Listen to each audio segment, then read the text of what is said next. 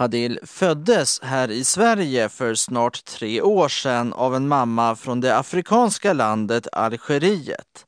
Men mamman lämnade sin bebis så en fosterfamilj har tagit hand om Hadil och vill fortsätta med det.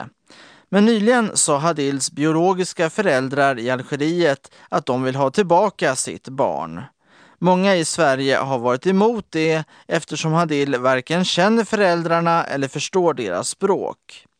Nu har svenska myndigheter undersökt det här och de har bestämt att Hadil tillfälligt ska få stanna här i Sverige i två år. Under den tiden kanske Hadil kan vänja sig vid sina algeriska föräldrar och lära sig deras språk. I så fall skulle Hadil kunna bo med sina algeriska föräldrar sen, säger myndigheten Migrationsverket. Fast frågan är om det verkligen kommer att bli så.